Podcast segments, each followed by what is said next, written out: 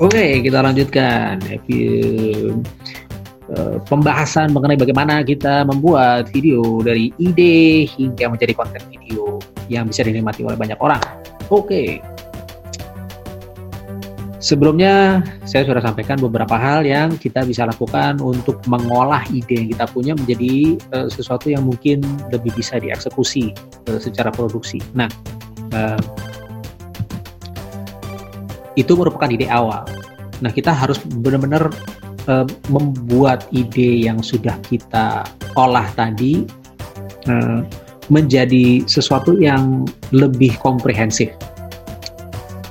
Nah, dalam hal ini contoh yang saya buat adalah seperti ini.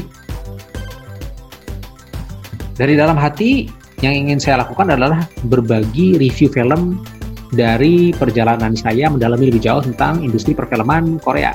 Nah, itu kemudian saya breakdown lagi. Eh, film Korea apa yang mau saya bahas?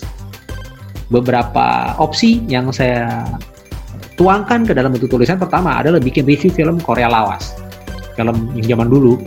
Kenapa saya suka film Korea zaman dulu? Karena eh, menurut saya eh, industri film Korea itu sesuatu yang menarik untuk didalami lebih jauh, terutama untuk film-film yang lawas, karena itu memberikan konteks eh, atas film-film yang mereka produksi saat ini. Eh, dan tentunya ada semacam apa ya? Ada semacam eh, ketertarikan eh, terhadap eh, konteks sosial politik dari eh, pada saat pembuatan film tersebut gitu. Nah, eh, itu itu ide pertama ya. Terus ide kedua adalah bikin review film Korea yang baru tayang. Kalau film Korea baru tayang itu udah susah ya, karena eh, kebetulan untuk mendapatkan akses ke film Korea yang baru tayang itu tidak mudah. Tentunya kita harus mengandalkan streaming plat- platform yang eh, apa namanya eh, yang memang sudah bisa menayangkan film eh, baru eh, film film Korea yang baru saja dirilis. Terus pilihan ketiga adalah bikin review film Korea yang ada di view. Nah ini mungkin menjadi lebih mudah, tapi pilihannya mungkin tidak terlalu beragam. Oke, lalu dari ide apa yang harus saya lakukan? Dari sini saya bisa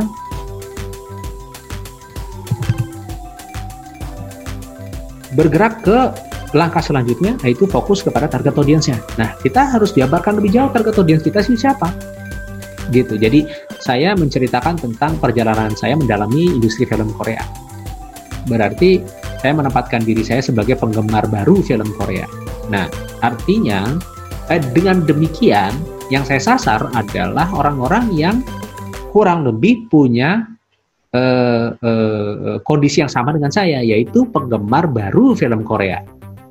Target audiens kita itulah yang akan menentukan konten yang mau kita bagi dan bagaimana kita menampilkannya kepada mereka. Kalau misalnya eh, bayangan kita adalah si penggemar baru film Korea ini anak-anak muda, tentunya gaya bicaranya harus diubah sedikit lebih eh, menarik untuk anak muda misalnya, gitu kan? Oke, itu target audience, ya kan? Lalu berikutnya kita harus menentukan referensi video review yang mau kita buat, karena itu adalah tampilan dari video yang kita buat, ya kan?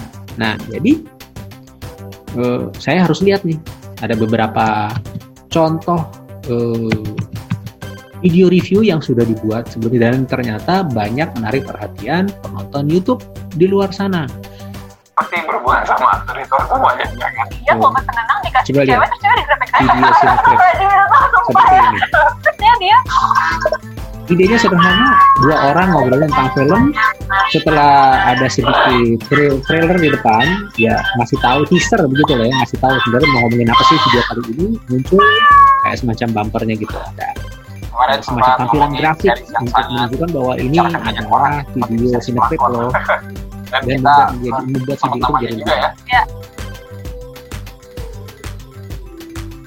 Assalamualaikum kembali lagi di Kupas Film bareng gua Abi. Oke, ini kupas film nih. Kupas film channelnya. Coba dilihat.